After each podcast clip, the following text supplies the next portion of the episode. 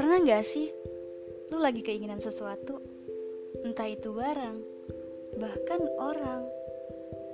Selain usaha yang udah lu lakukan dengan semaksimal mungkin, terus lu cuma bisa sholawat sebagai bentuk permintaan kepada Allah atas keinginan lu itu. Jadi lu seakan-akan kayak udah yakin banget gitu kalau sholawat itu jadi perantara untuk mendapatkan apa yang lu inginkan tapi ujung-ujungnya semua ketetapan itu ada di tangan Allah.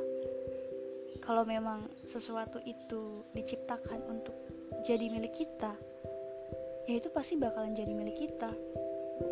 Tapi kalau itu diciptakan bukan untuk kita itu nggak bakalan jadi milik kita sampai kapan pun. Tapi yang penting kan kita udah berusaha gitu. Dengan meminta apa pun itu kepada Allah ya artinya kan kita sudah melibatkan Allah dalam perkara ini gitu. Dan jika ternyata pada akhirnya itu diciptakan bukan untuk kita berarti kita memang harus mengaplikasikan ilmu sabar dan harus berusaha lagi gitu. Dan gue juga selalu pegang prinsip ini sih dari hadis qudsi bahwa kata Allah Ana indaldoni abdi bi. Aku bersama dengan prasangka hambaku.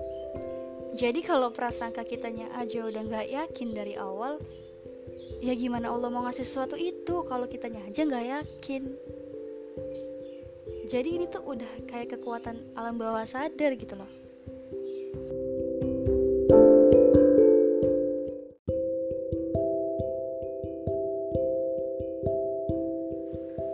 Coba deh, lo rasain sendiri.